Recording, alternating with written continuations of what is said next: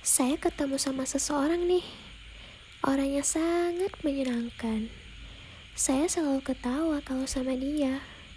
Sampai saya mikir, kenapa nggak dari dulu aja saya kenal? Kenapa baru sekarang?